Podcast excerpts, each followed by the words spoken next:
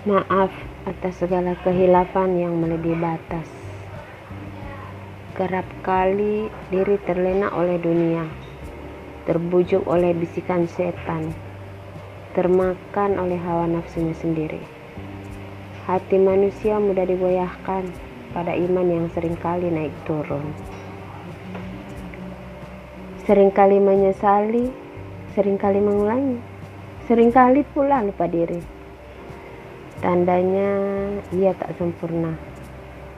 Perbaiki sedikit demi sedikit. Terus memperbaiki diri, wahai diri. Tanpa merugikan orang lain, tanpa menunjuk orang lain. Sebab segala kekeliruan pasti ada secuil yang berasal dari diri kita sendiri.